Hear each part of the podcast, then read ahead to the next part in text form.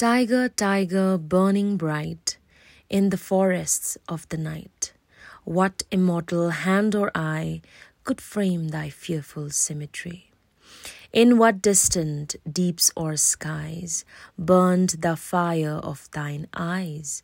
On what wings dare he aspire? What the hand dare seize the fire? And what shoulder and what art could twist the sinews of thy heart?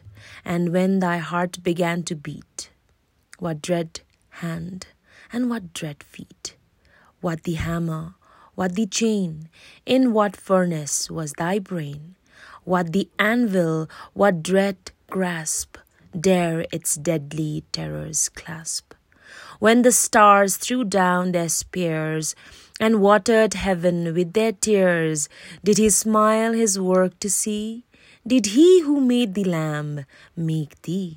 Tiger, tiger, burning bright in the forests of the night, what immortal hand or eye dare frame thy fearful symmetry?